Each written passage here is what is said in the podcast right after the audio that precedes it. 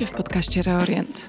Ten odcinek powstał w ramach projektu Empathy Let's Empower, Participate and Teach Each Other to Hype Empathy Challenging Discourse About Islam and Muslims in Poland, finansowanego przez Unię Europejską.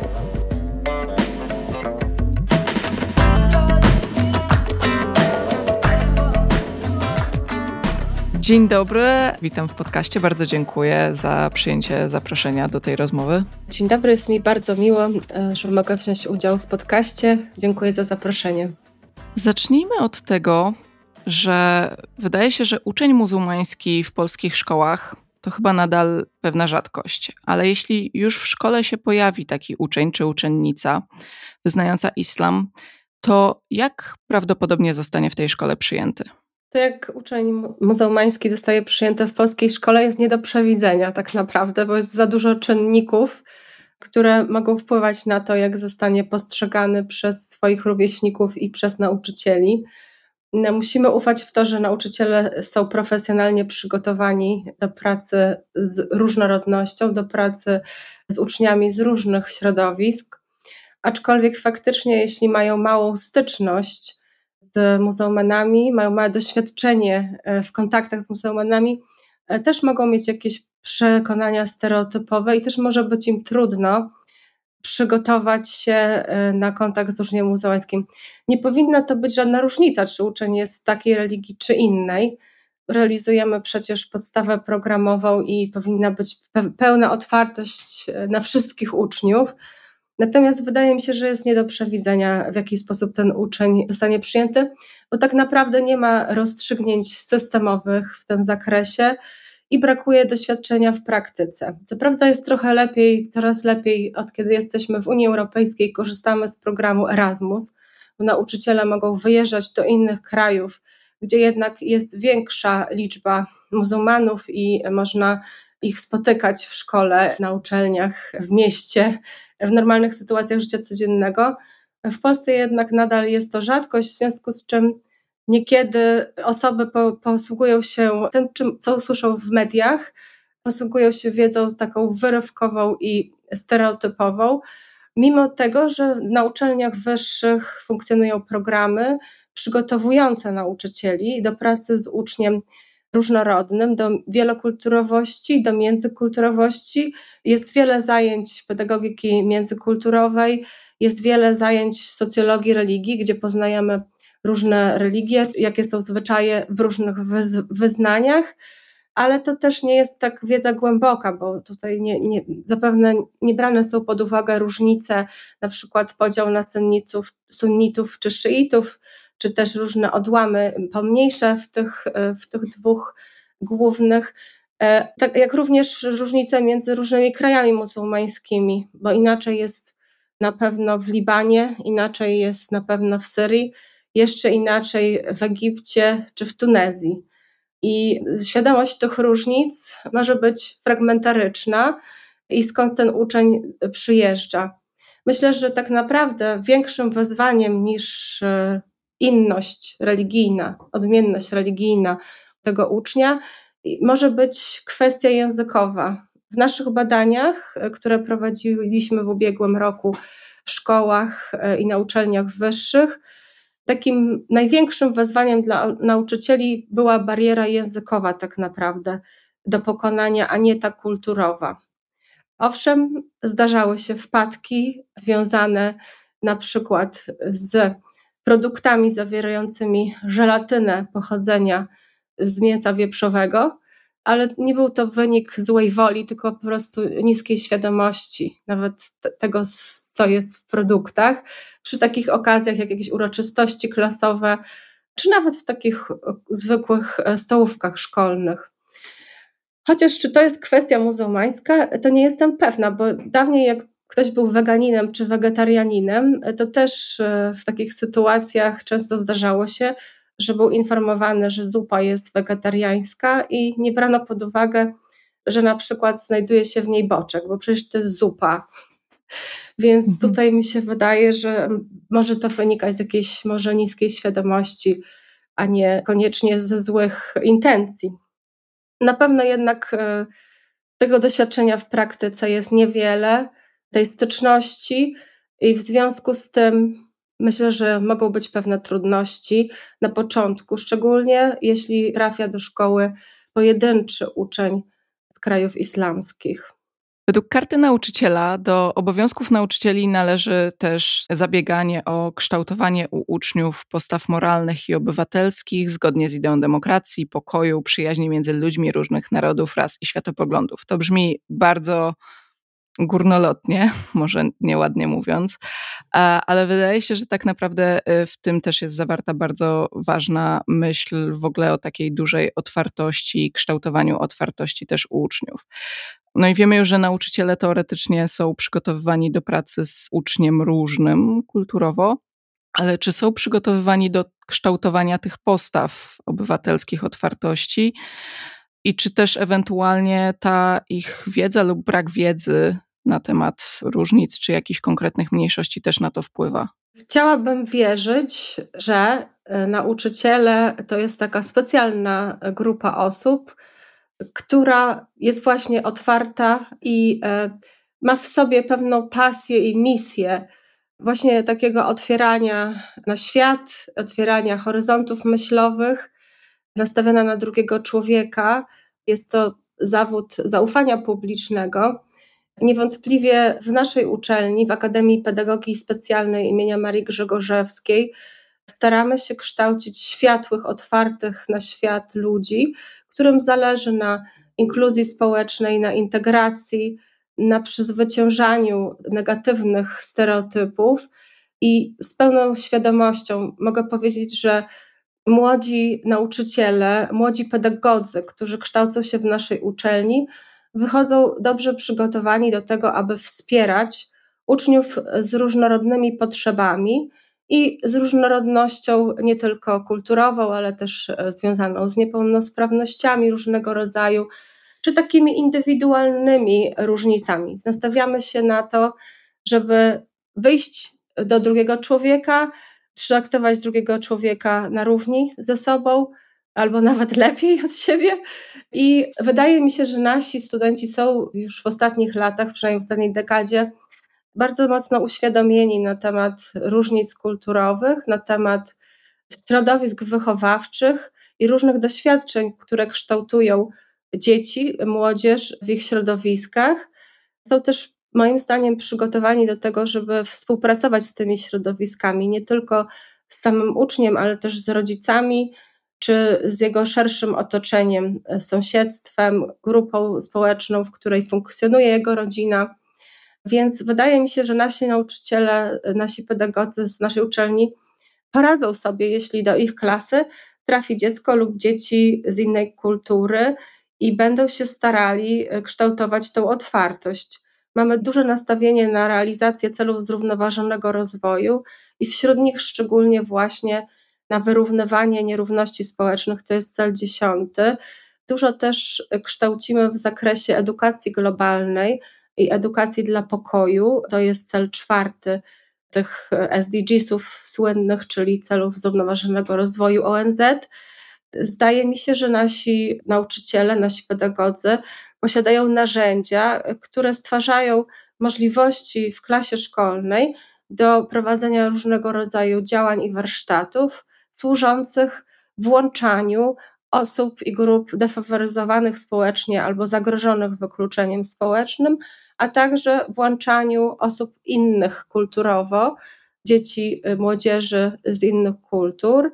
I mają też przygotowanie y, i świadomość różnic kulturowych, językowych, różnych rzeczy, które wynikają z naszego języka, z naszego dyskursu o pewnych sprawach. I też duży szacunek do tego, że każdy człowiek może być wychowany w innym środowisku, w innej religii, ma inną historię swojego kraju, swojej rodziny. I w związku z tym trudno oceniać, czy, czy któraś z tych historii e, rodzinnych i tych metod wychowawczych, czy e, jakiejś świadomości wyznaniowej, religijnej jest lepsza czy gorsza. Każdy z nas ma inny start, ma inne doświadczenia i ważne jest, aby y, brać pod uwagę właśnie to środowisko wychowawcze.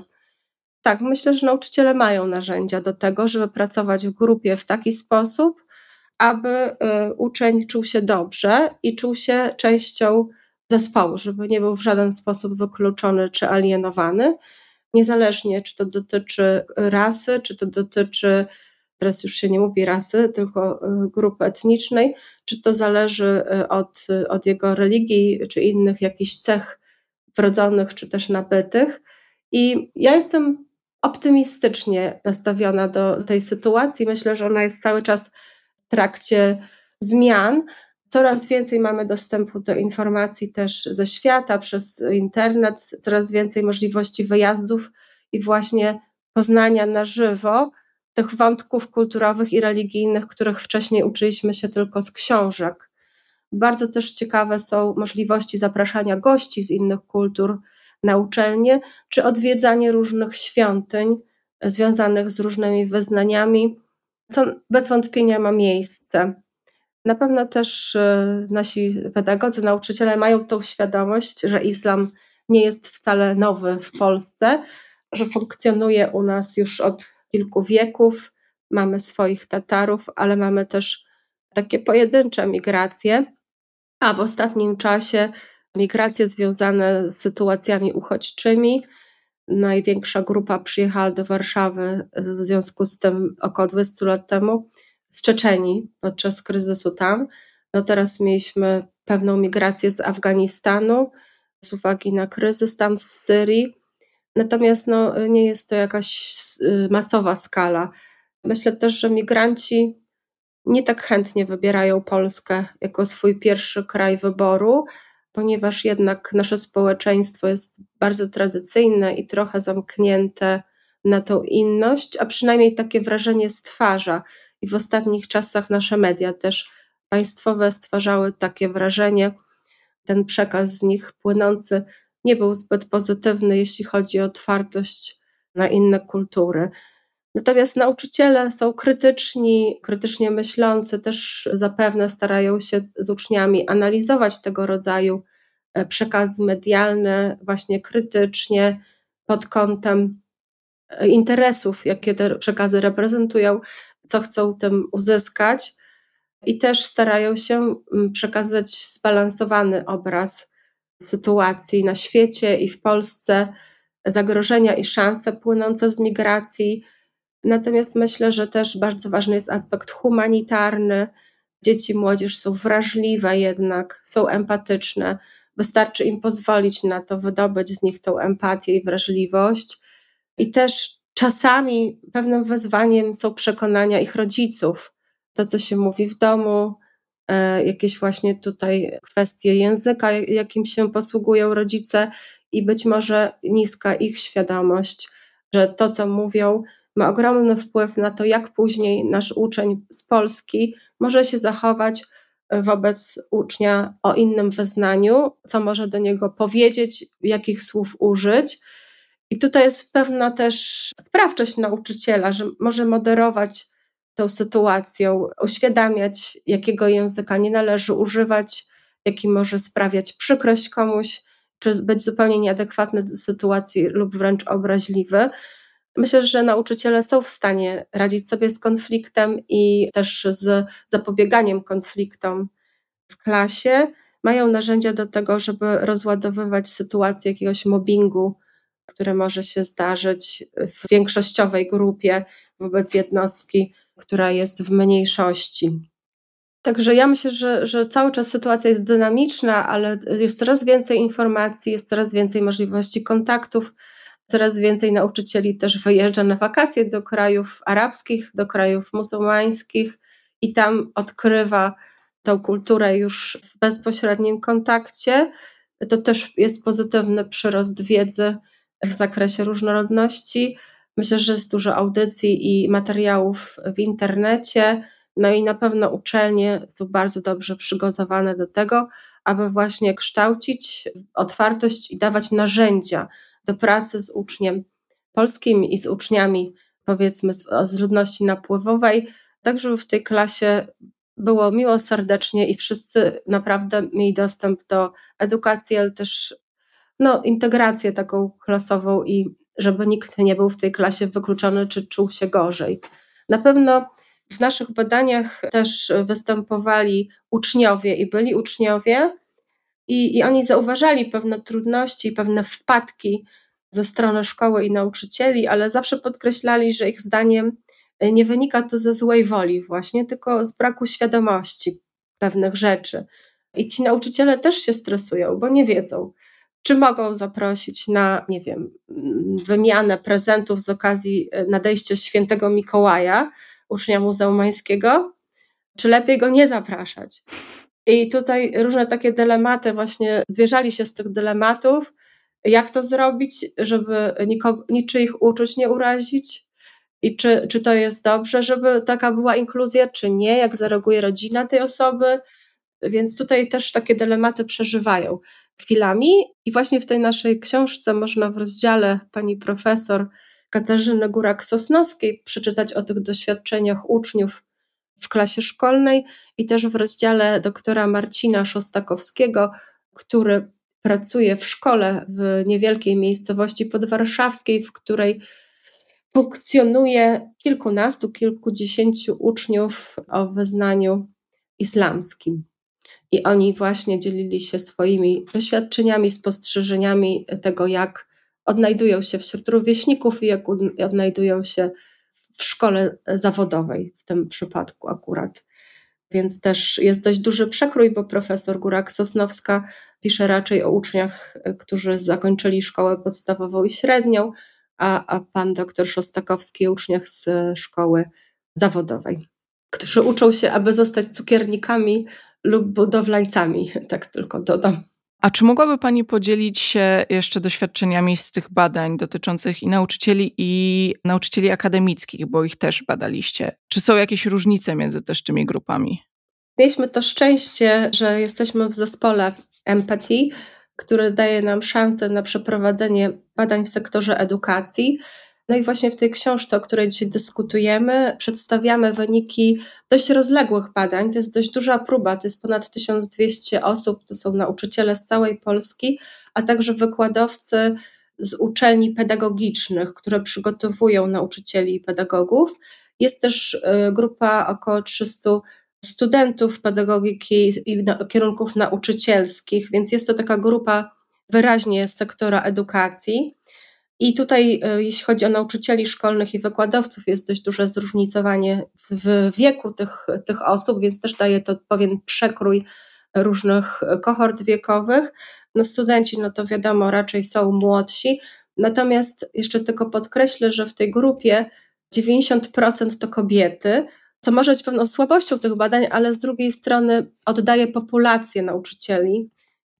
Studenci pedagogiki to w większości kobiety i też właśnie zawód nauczycielski jest bardzo sfeminizowany. Nie będę teraz dochodzić, jakie są tego powody, ale e, no, tak nasza próba właśnie wyglądała, że była w niej przewaga kobiet zgodnie z tym, jak wygląda populacja nauczycieli i wykładowców. No i cóż, ci nauczyciele i studenci wypełnili bardzo rozległą ankietę, która miała ocenić ich dystans społeczny do różnych grup interesariuszy i w tym dystans do właśnie różnych religii. I to nam się udało. Mierzyliśmy tak, na takich specjalnych skalach ten, ten dystans kulturowy. Pytaliśmy też właśnie o narzędzia, o przygotowanie, o przedmioty, jakie ci studenci, nauczyciele mieli na, na studiach. I w tej ilościowej części badań diagnozowaliśmy w zasadzie nastawienie wobec muzułmanów i islamu oraz doświadczenia kontaktu z osobami i tematyką związaną z islamem pośród studentów i wykładowców. I wyszło nam trochę, jak to często wspomina profesor Gorak Sosnowska, że są to takie trochę doświadczenia na sucho, wynikające z warsztatów, podczas których nie ma tego muzułmanina, nie ma tej muzułmanki, tylko sobie czytamy, oglądamy materiały. No, taka sytuacja trochę fikcyjna, można powiedzieć, z uwagi na to pływanie na sucho w tej kulturze obcej, innej. Badaliśmy też postawę nauczycieli wobec ludności muzułmańskiej. Tutaj nie wyszło to najgorzej, aczkolwiek ku naszemu przerażeniu bardzo dużo określeń stereotypowych pojawiło się, szczególnie w starszych grupach naszych uczestników badań. Oprócz tego, że, że przeprowadziliśmy te rozległe ankiety, przeprowadziliśmy też wywiady z nauczycielami w szkołach. Tych wywiadów też było sporo, one były pogłębione, czyli trwały przynajmniej półtorej godziny. I tutaj nauczyciele dzielili się tym, w jaki sposób mają styczność z uczniami muzułmańskimi i jak, jak to wygląda z ich perspektywy. No i tak jak już mówiłam wcześniej, dla zbalansowania narracji nauczycielskich skonfrontowano je z wypowiedziami uczniów, którzy dostrzegali starania swoich nauczycieli, by zapewnić im dobre warunki, bezpieczeństwo, akceptację i pełną partycypację, ale też identyfikowali pewne trudności systemowe poczuciu respektowania różnic, szczególnie strój na wychowanie fizyczne wzbudza jakieś kontrowersje, czy jeśli ktoś by chciał pójść na basen w burkini, to wzbudza kontrowersje. Dieta halal jest nadal jednak jakimś wyzwaniem na stołówkach szkolnych. Uczniowie i byli uczniowie raportowali pewną nieufność wobec nich, jakiś dystans, zainteresowanie odmiennością jako czymś wyjątkowym, ale też czasami jako czymś zagrażającym. Tutaj mediom możemy podziękować za to. I pewnego rodzaju wyzwaniem były w ich odczuciu celebracje świąt religijnych czy uczestnictwo w lekcjach religii w szkole. I z tych wypowiedzi wynikało, że mają mieszane doświadczenia i mieszane uczucia związane z uczestnictwem w polskim systemie edukacji jako reprezentanci mniejszościowego wyznania. Natomiast nauczyciele deklarowali dobre intencje, deklarowali pozytywne nastawienie, byli przekonani o swojej misji stworzenia dobrych warunków dla inkluzji w swojej klasie, w swojej szkole oraz byli przekonani o równości praw i obowiązków wszystkich uczniów.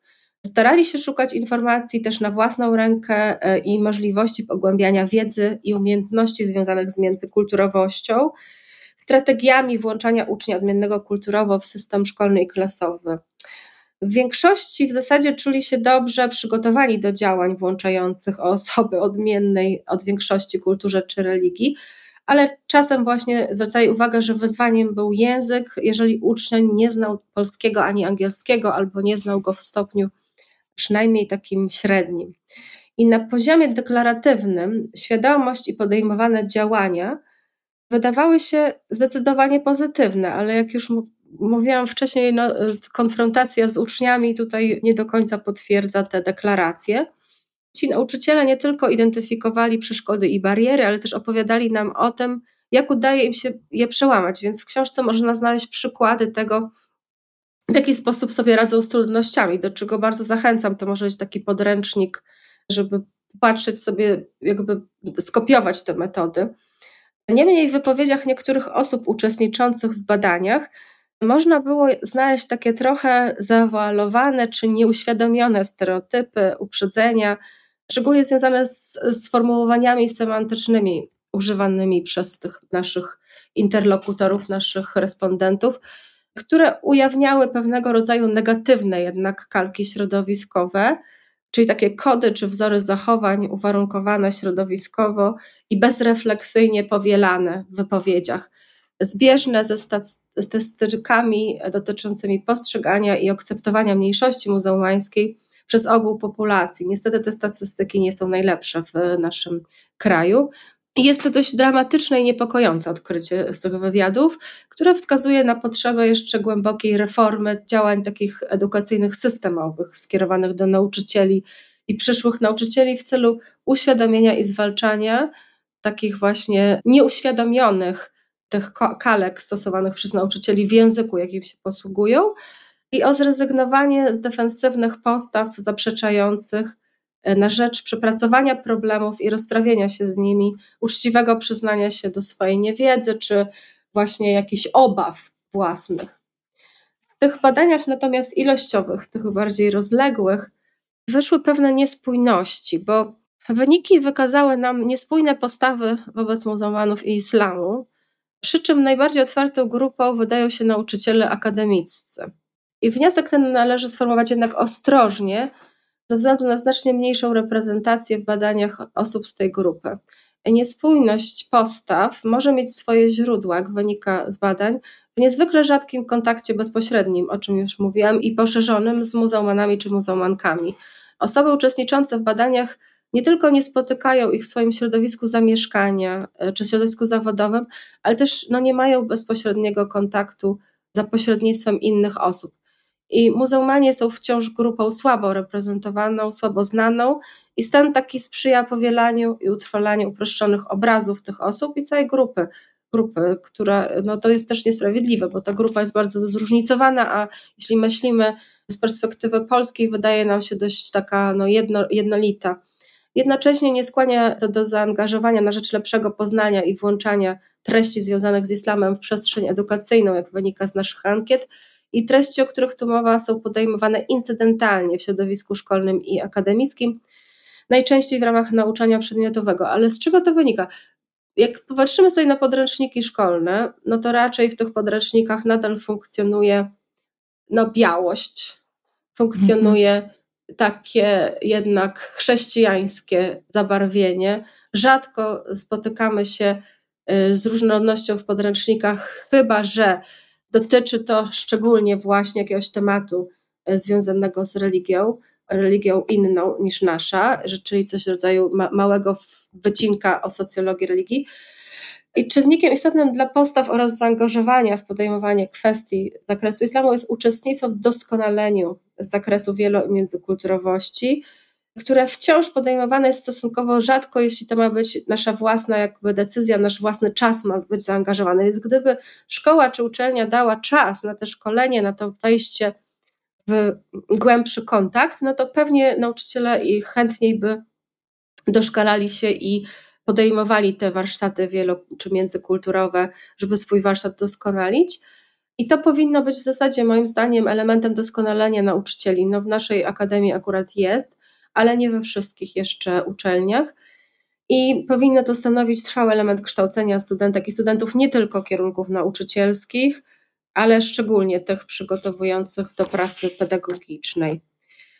No i w tej ilościowej części badań, gdzie diagnozowaliśmy nastawienie wobec muzułmanów, wynika, że wbrew ich deklaracjom o gotowości wchodzenia w relacje z muzułmankami i muzułmanami, pomiar dystansu społecznego wynikł, że niby mają tą gotowość i niby reflektują kontakt z nimi, to część osób posługuje się, jak już mówiłam, określeniami opartymi na ogólnych przekonaniach, czyli stereotypach, czy wręcz mających charakter stygmatyzujący, dyskryminujący i wykluczający w sferze języka. Wyniki wskazują na niespójne postawy w związku z tym, bo z jednej strony jest deklaracja, że jest otwartość, a z drugiej strony ten język no, temu zaprzecza. Co tu jeszcze można dodać? Naukowcy oraz ludzie, którym bliskie są wartości będące misją naszej uczelni, czyli to nastawienie na drugiego człowieka, wartość inkluzji społecznej, akceptacja, partycypacja, solidarność, czują się zobowiązani bezustannie identyfikować, kwestionować i poddawać rewizji własne przekonania, własne procesy poznawcze. I w tym w efekcie tego starają się wyzbyć postaw defensywnych i konfrontować słabości, potknięcia, braki, analizować, co nie wyszło i starać się znaleźć rozwiązania. Ale no właśnie, zrozumienie takiego problemu nie może być czysto teoretyczne, musi być współodczuwane, więc musi być ten kontakt. Nie wiem, jak można nakłonić się, nie wiem, może jakieś organizacje, czy też właśnie grantodawców, aby no, dawać nauczycielom szansę wyjazdów do krajów arabskich, do krajów islamskich, czy też uczestnictwa w jakichś szkoleniach właśnie z międzykulturowości i z wielokulturowości, które będą prowadzone przez muzułmanów albo w których będą uczestniczyć też muzułmanie. Tak, żeby była szansa na stworzenie no, takich bezpośrednich kontaktów, a nie tylko przekonania, że w, w mieście jest jedno, jedno miejsce, gdzie jest sprzedawany kebab i prawdopodobnie osobą prowadzącą ten punkt jest Turek. Bo też takie tutaj różne anegdotyczne wypowiedzi mieliśmy w, w, tych, w tych badaniach. Cóż jeszcze można dodać? No myślę, że najlepiej integrują się ci e, migranci, którzy znają język. I wracam do tego języka. Myślę, że język to jest ta podstawowa bariera, która może przeszkadzać w pełnej inkluzji i w integracji. No ale to też nie wyjaśnia tych różnych językowych i stereotypowych stwierdzeń, e, które padły w naszych badaniach. Bardzo zachęcam do sięgnięcia po tą książkę, jest ona w otwartym dostępie, nieodpłatnie dostępna, żeby się jeszcze bardziej zagłębić, popatrzeć sobie na grafy i tabelki. Bardzo ciekawy jest ten fragment dotyczący dystansu społecznego i otwartości na inność.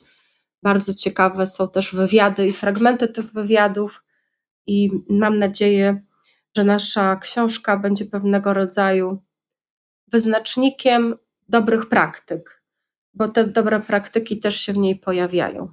Więc bardzo zachęcam do przeczytania e, wyników badań dostępnych w książce Obecne Nieobecne. Bardzo dziękuję za rozmowę. Ja też zachęcam do zapoznania się z tą książką. Link do niej będzie umieszczony na stronie reorient.pl i w opisie tego odcinka. I, i też zachęcam do ściągnięcia i, i przeczytania.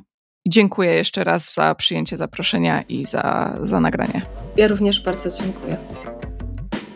Ten odcinek podcastu powstał w ramach projektu Empathy, finansowanego przez Unię Europejską.